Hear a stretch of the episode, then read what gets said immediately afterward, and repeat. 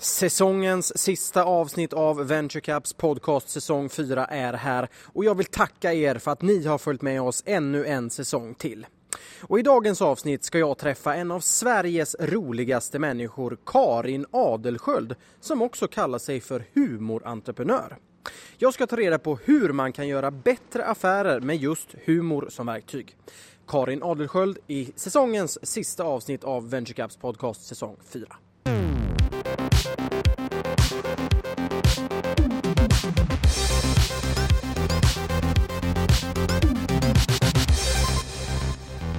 Ja, men då sitter jag här med eh, en gång i tiden årets komiker Karin Adelsköld. Välkommen till programmet. Tack. Nu är jag inte det längre. Och det är så roligt så här, år, för två år sedan. En gång i tiden. Och då frågar man kanske, vad, vad gör du i en entreprenörspodcast? Ja, jag gör, är väl här därför att jag är en entreprenör ute i fingerspetsarna. Och eh, vad för sorts entreprenör får jag alltid frågan om. Men är du komiker eller är du journalist? Då, då brukar jag säga att jag är humorentreprenör. Alltså, eller kommunikationsentreprenör, medieentreprenör. Jag driver en massa företag eh, runt det jag gör. Liksom. Du, ska vi, ska vi börja där? Eh, vi har pratat lite grann om vem, vem Karin Adelsköld är, men vem är Karin Adelsköld? Jag är en 40-årig milf. Nej, får man inte säga om sig själv. Jag är en 40-årig eh, tjej som bor eh, utanför Stockholm är född i Kisa i Linköping, eh, utanför Linköping och är uppvuxen där och i Hultsfred. Och har via USA, lite olika vägar, olika universitet hamnat nu utanför Stockholm där jag bor i ett radhus med mina två barn och eh, jobbar som det mesta. Det är ju svårt att säga vad jag jobbar som. Entreprenör. Du är entreprenör, medieentreprenör eller kulturentreprenör. Men du, ska vi backa bandet då? Du, du är entreprenör ute vid fingerspetsarna. När började, när började intresset? I Hultsfred kanske? Ja, faktiskt i Hultsfred. Jag bodde ju då i Kisa i Östergötland tills jag var 15. Då bestämde sig mina föräldrar för att de ville flytta till ett större ställe. De ville ha mer kultur och mer sus och dus. Och då flyttade vi till Hultsfred. Och det brukar folk alltid skratta åt när jag säger det, men för mig var det stort, för i Kisa bodde 2000 i kommunen och i Hultsfred bodde 5000 i tätorten bara, tror jag, 7000 i kommunen.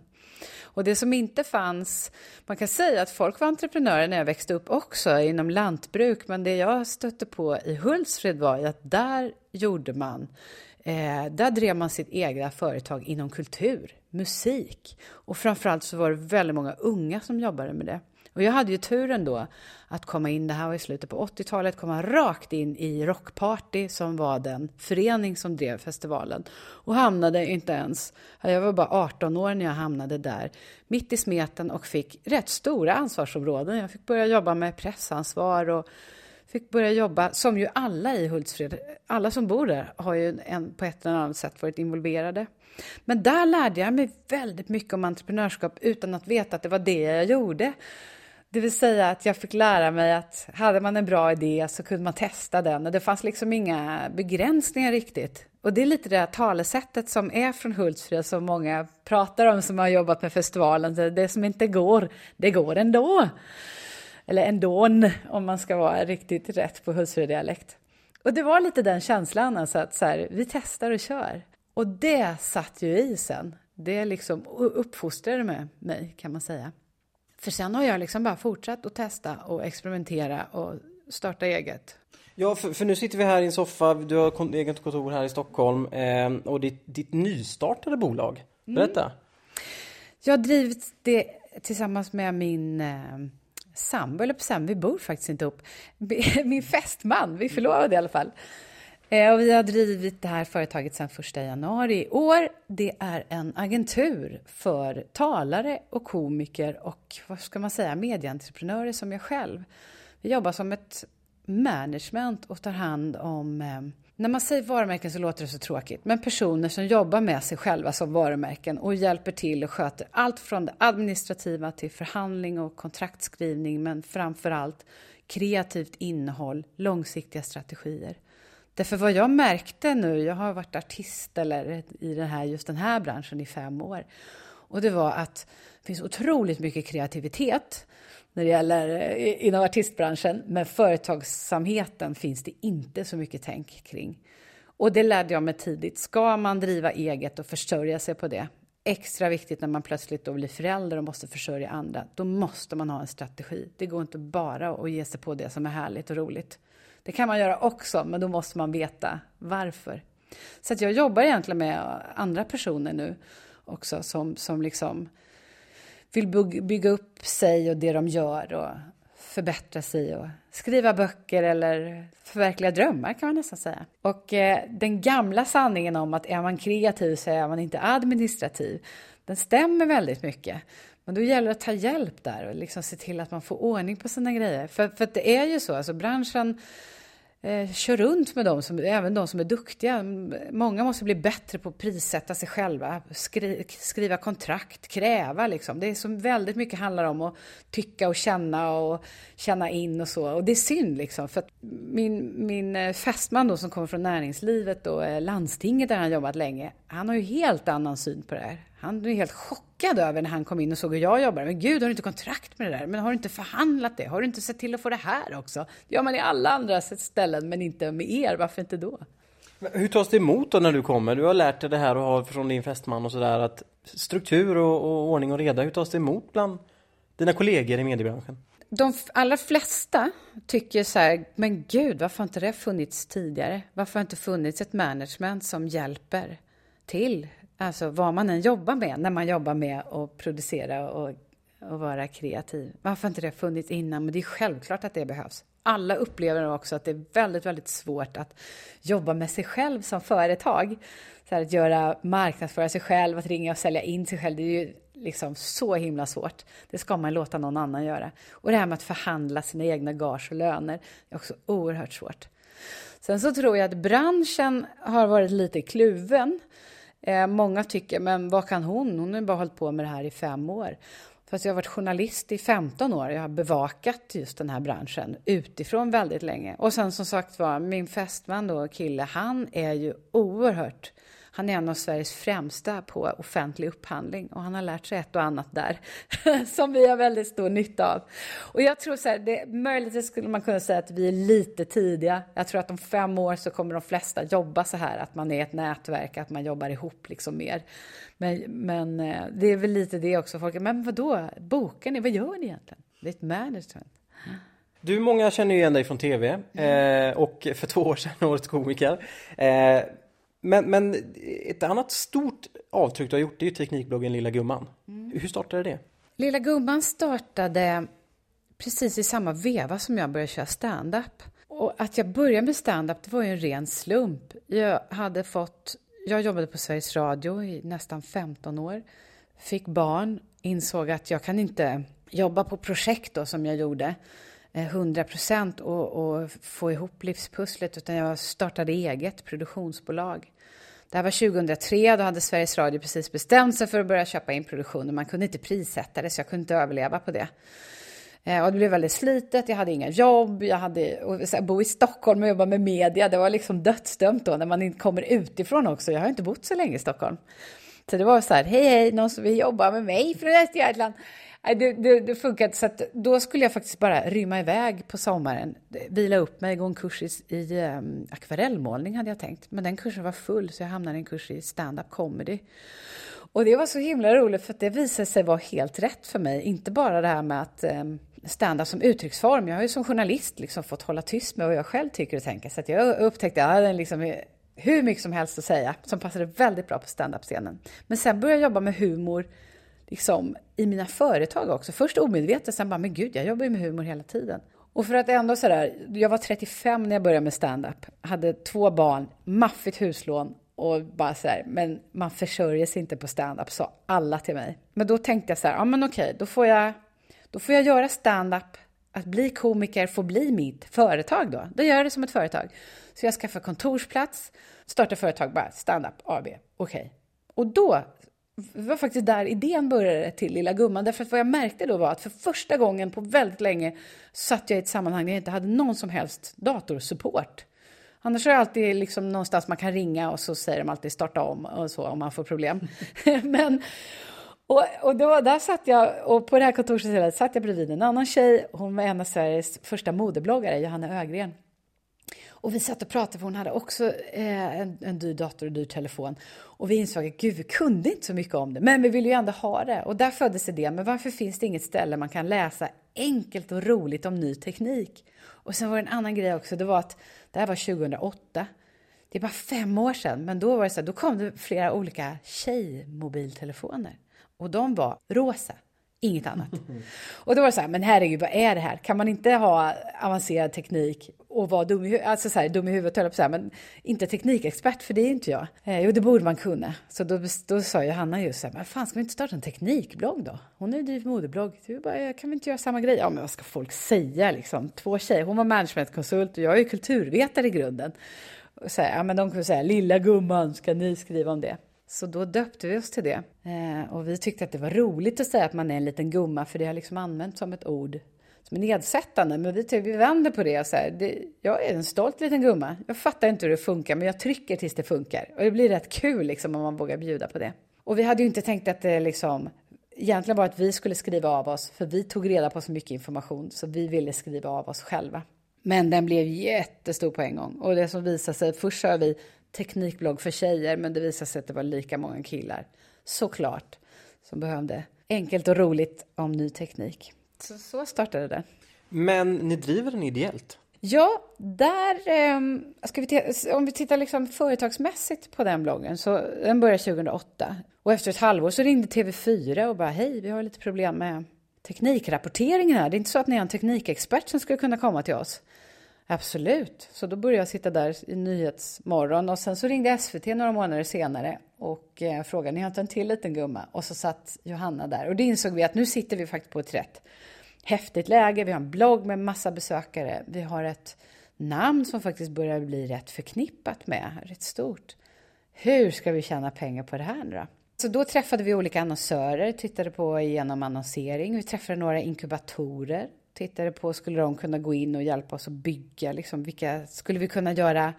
Alltså det går att göra rätt mycket liksom med den, att man kan sälja grejer eller man kan göra egna. Det finns hur många möjligheter som helst. Så vi la ett helt år, hela 2009 kan man säga, tittade vi på olika försörjningsmöjligheter och kom till sist fram till att vi vill driva bloggen ideellt. och det är oerhört genomtänkt. Vi får ofta höra så här, men gud, varför har ni inte tjänat pengar på det? Men det är faktiskt riktigt genomtänkt, för vad vi upptäckte var att det var flera myndigheter, det var skolor, det var organisationer som ville jobba med oss och jobba väldigt nära med oss. Vi jobbar med Tekniklyftet, jag jobbade med Teknikdelegationen, eh, jag sitter i IVAS, alltså Ingenjörsvetenskapsakademins näringslivsråd. Och sen började vi göra oerhört mycket andra jobb, föreläsningar, skrivjobb för andra redaktioner. Så att vi använde oss av den här, och det pratar man kanske rätt mycket om för några år sedan, den här long tail-effekten. Det vill säga, det som vi hade gav vi gratis och sen så försörjde vi oss på det som kom efter. Alltså i. Och vi, då bestämde vi oss att vi skulle testa det här. Funkar long tail-effekten? Det var väldigt stort då och vad vi kände var att vi, genom att vara oberoende, genom att vi bara bygger på vår passion för prylar och att vi fortfarande inte är experter, så trodde vi att vi skulle kunna försörja oss. Inte heltid allihopa, men eh, ändå försörja oss på det. Och det har vi lyckats med idag. Så idag har vi liksom, och jag, jag är väldigt stolt över det konceptet, för det är alltså en ideell blogg. Vi är fem skribenter som skriver helt ideellt. Eh, men vi har alla andra jobb runt omkring som kommer från bloggen, kan man säga. Så det, det, liksom, det har vi drivit helt annorlunda. Med jämna mellanrum så ibland så kollar jag upp, skulle vi kunna göra annonssamarbeten och sånt där. Men vi, vi tycker inte att vi tjänar på det. Du eh, pratade här tidigare om, om humor och entreprenörskap och jag vet du är årets komiker och sådär och du ser dig själv som en medieentreprenör men, men kan man lära av de här två banorna? Det kan man absolut. Och innan jag av en slump hamnade på den här standupkursen så hade jag ingen aning om vad humor var faktiskt. Eller jag trodde att humor var trams, det var lite mer så. Och jag tog inte humor på allvar riktigt.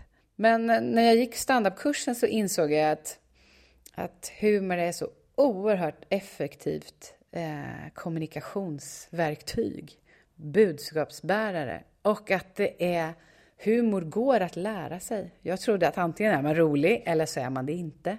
Så att jag började med att använda humor när jag skrev om teknik och överhuvudtaget liksom hela det anslaget att prata om allvarliga saker med humor. Först omedvetet och sen började jag, men gud, jag använder jättemycket humor och sen började jag få massor med före, föreläsningsuppdrag just på tunga teknikmässor, tunga vetenskapsmässor där man behövde humorn. Så att jag började utveckla det här mer och mer. Så hur kan man jobba med entreprenörskap? Hur kan man använda humorn, inte bara som drivkraft för att det är kul att jobba, men också när man kommunicerar och i alla slags möten.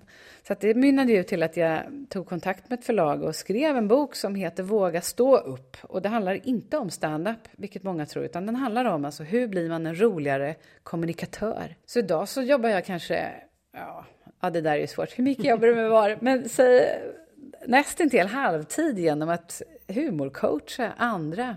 Och det är nästintill bara inom näringslivet alltså inte, jobbar inte alls så mycket med skolor och så som jag hade kanske tänkt. Åh, där behöver de humor. Men nu jobbar jag med företagsledare, ledningsgrupper. Dels är det väldigt många chefer som behöver lära sig att använda sig av humor för att få en bättre relation med sina anställda.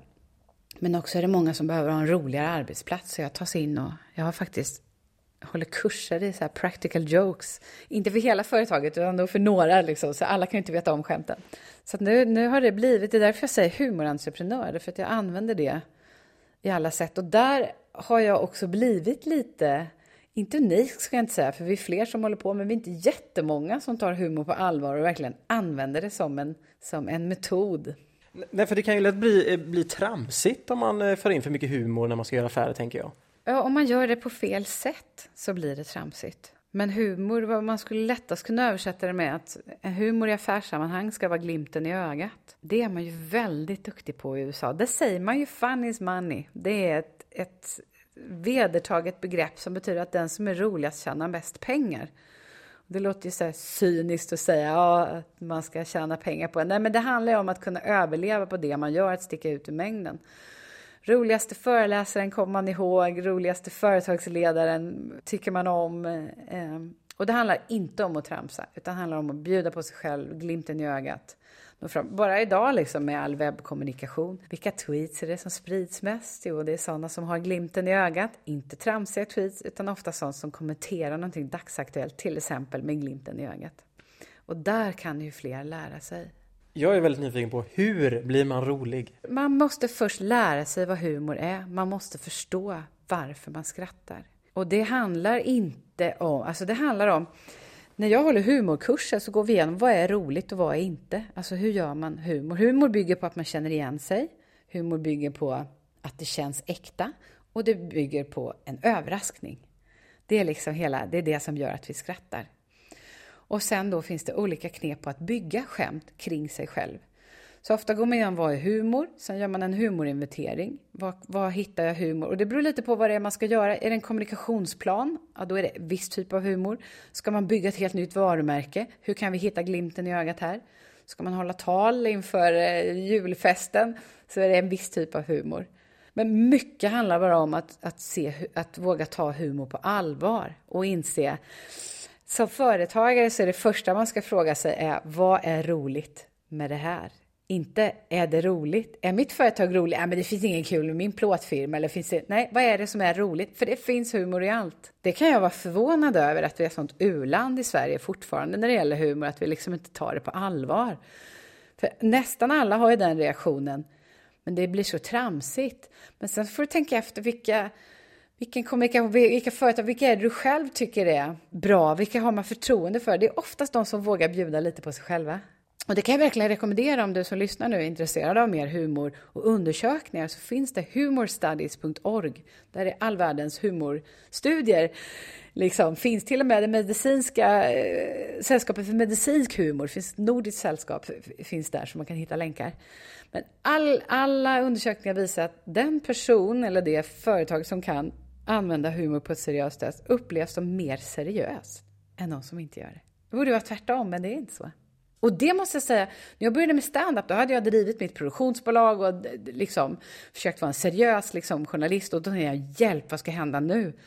För jag hade ju inte räknat med att jag skulle bli komiker och att det skulle gå så fort och så bra. Jag blev, plötsligt blev jag årets komiker och bara herregud, vad, men ingen kommer ju ta mig på allvar nu när jag driver företag. Och så var det precis tvärtom. Folk började ta mig på allvar. Men jaha, du jobbar med stand-up också? Men, och det var en chock först i början. Jag trodde inte det. Men, men nu förstår jag. Du, precis som du sa här, eh, din entreprenöriella bana började kanske i Hultsfred då med Hultsfredfestivalen och, och mentaliteten går inte så går det ändå. Idag sitter vi här, du har drivit ditt managementbolag här nu i ett år. Mm. Och jag vet att du brukar prata om, om man pratar just det här, den här resan och, och att du började vid 35 års ålder. Om att, du brukar prata om att det aldrig är för sent att starta någonting, nybörja har jag sett, har jag sett ett ord som, som eh, figurerar. Vad menar du med det? Ja, men jag menar just det, att eh, aldrig för sent att nybörja. Jag kan därför att jag själv var lite feg och bekväm i väldigt, väldigt många år och kände att oh, men jag borde ha startat företag tidigare. Jag borde ha liksom... För jag har ju på ett sätt levt som entreprenör och gjort mina sidoprojekt, men jag har alltid gått på projektanställningar så att det är ju bara i sju, åtta år som jag har varit helt egen, om man säger. Och vad jag upptäckte var att jag hade tänkt på något sätt att man skulle göra det tidigare, men det är absolut inte så.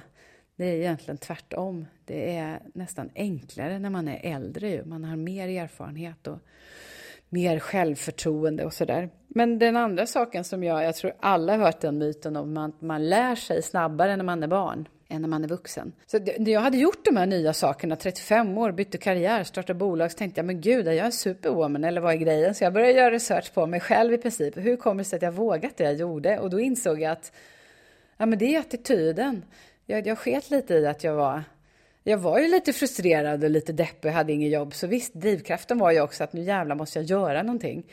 Men jag struntade i att eh, jag hann faktiskt inte ens tänka på att jag inte skulle kunna, att det skulle kunna misslyckas, utan jag bara körde på. Och när jag gjorde research så, så visade det sig att ja, men, det är inte lättare att lära sig att göra nya saker när man är barn.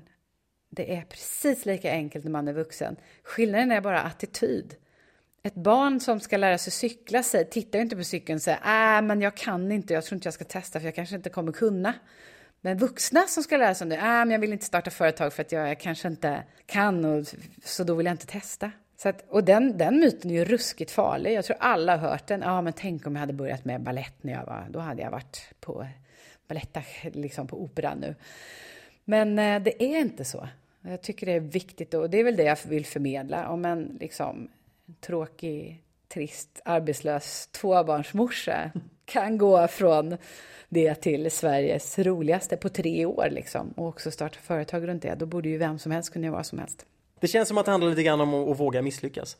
Ja, men så är det ju. Alla säger det bara, man måste våga misslyckas. Och sen är det punkt. Men det kan jag ju säga att alla gånger man misslyckas, att kunna våga bjuda på det också. Och jag försöker också, alltså verkligen ärligt. De första gångerna jag körde stand-up, måste jag säga, det var ju så pinsamt. Så, de första gångerna, de första åren, herregud, nu ska vi inte sticka under stol med det. Det är klart att det har inte varit mycket pengar, någon, någon gång. Det, säger, det får du höra hela tiden också, det är inte mycket pengar. Nej, det är inte mycket pengar. Och framgång för mig, det är att slippa betala för att driva företag. Går jag plus minus noll liksom, så är det liksom jättebra. Men de, jag var och tittade på, en, jag ledde så här forskar Grand Prix förra veckan när forskare från, olika, ja, från hela Sverige får tävla i att presentera sin forskning på bästa sätt på tre minuter. Då var det en av tjejerna där som forskade just på vad händer i hjärnan när man misslyckas. Och hon visar att, att, att även om det många reagerar liksom det handlar väldigt mycket om inställning och attityd och hur man reagerar, vad man har för självbild när man vågar kasta sig ut och så.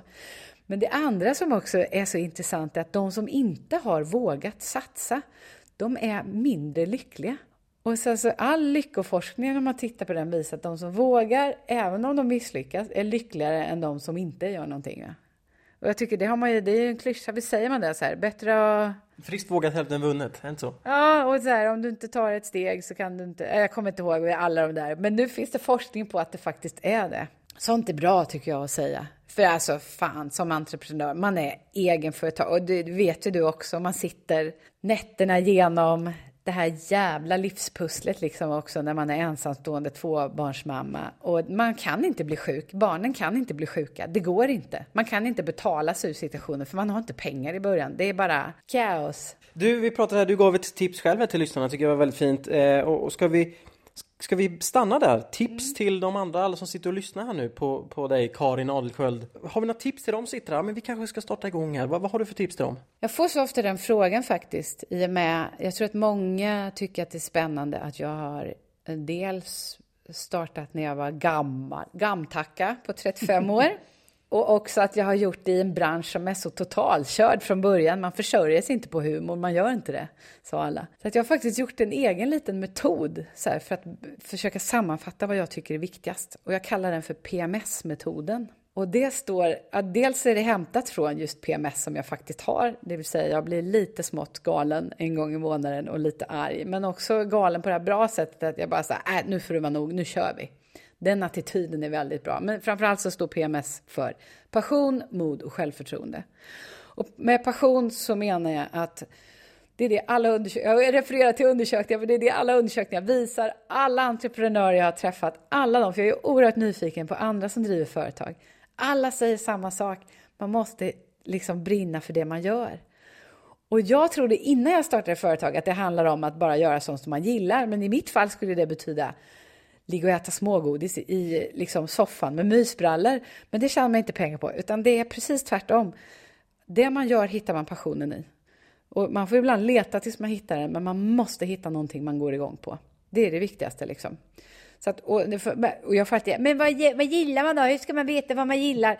Ja, men man får börja rota liksom, för köra utslutningsmetoden till sist, om det inte är så. Och också så att jag alltid, alltid, alltid säger så här, vad vill jag, inte vad kan jag? För jag har lärt mig att jag kan lära mig precis allting. Och vissa saker kan jag inte lära mig och då får jag ta något annat så. Men inte så här bara, nej men det kan jag inte så då, utan vad vill jag, inte kan jag. Okej, P, det var passion. M står för mod. Eh, jag hade också någon falsk föreställning om att eh, om man är rädd så är man misslyckad. Men det, om man inte är rädd så är man inte modig. Och jag är fortfarande rädd, jag måste säga det, nu har vi två anställda. Första anställda, det var nervöst. Andra anställda, faktiskt jätterädd. Nu ansvarar jag för två människor, men ska se till att nu måste ju företaget gå bra, inte bara för min skull, utan för alla andra. Jag gör det ändå, därför är jag modig. Jag är skiträdd varje gång jag ska ställa mig inför folk. Inte så jag mår dåligt så, men jag är nervös. Men jag gör det ändå, därför är jag modig. Man måste vara rädd liksom, för att vara modig. Och sen så självförtroende är det sista. Jag kan tycka att här, det är jättebra med självkänsla. Alla pratar om självkänsla och sådär. Men det blir nästan, vad fan, det tar ett helt liv att älska sig själv. Jättebra, men vad händer med det gamla hedliga bonna-självförtroendet? Som är från Hultsfred som man säger i Hultsfred, där är det liksom så här, det här att fake it till you make it, tro på det man gör och som de säger där, det som inte går, det går ändå. Du Karin, eh, jag sitter här och undrar, vad är, vad är det som driver dig som entreprenör? ja, men det är PMS ändå, det är passion, mod, självförtroende. Jag har testat väldigt många företag innan och många olika typer av arbetsplatser och jag får inte utlopp för allt det jag vill någonstans. Så det här är liksom, det är ju ett sätt att leva. Jag har väldigt mycket idéer och eh, jag drivs av att utveckla. Utveckla och underhålla. Så det, det här är absolut bästa sättet för mig att göra det på. Och sen får jag köpa in hjälp att förvalta och administrera. För även jag har brister där då såklart, eftersom jag är så kreativ. Du, eh, vi börjar närma oss slutet av den här intervjun. Det har varit supertrevligt tycker jag. Nu kommer jag till mitt favoritmoment och det brukar alltid vara så himla intressant att höra. För att det är nämligen eh, vilken gäst i programmet som skulle kunna få dig att börja lyssna på Venturecaps podcast. Du har ju själv hört att folk har lyssnat på den och sådär men du har själv inte lyssnat innan. Vem skulle få dig att lyssna Karin? Oj, oj, oj, oj, oj. Det är nog mer så här eh, att jag skulle behöva någon som tog fram den och satte hörlurar i öronen på mig. För jag är lite uppe i det blå ibland när jag far omkring. Jag glömmer bort liksom. Eh, för att jag är så intresserad av alla. Så jag skulle inte säga att det var just en person som, utan mer så här, har du hört om Venture Caps podd? Där berättar de historierna bakom entreprenörskapet. Här, lyssna. Ja, det skulle jag lyssna på en gång. Ja, jag kan fixa det med en gång. Let's do it! Karin Adelsköld, super, super tack för att eh, du ställde upp i detta program. Supertack för att jag fick! Vad roligt! Har du sagt att du är från eh, trakterna själv? Det har du inte? Ja, det har jag faktiskt inte. Det är därför vi sitter och pratar om och refererar om Hultsfred. För jag ja. själv är från Hultsfreds kommun. Jag tror att jag har nämnt det i någon annan podcast någon gång. Men eh, det är därför vi sitter och pratar om detta. Återigen supertack Karin och supertack till er som har lyssnat, som har hängt med den här säsongen, säsong 4 av VentureCaps podcast. Som ni hittar på VentureCaps hemsida. VentureCap.se podcast. Den finns också på Soundcloud, snart Spotify och den finns på iTunes och överallt snart. Jag, Anders Nyberg, tackar för mig för denna säsong och jag tackar återigen Karin Adelsköld. Tack, hej hej!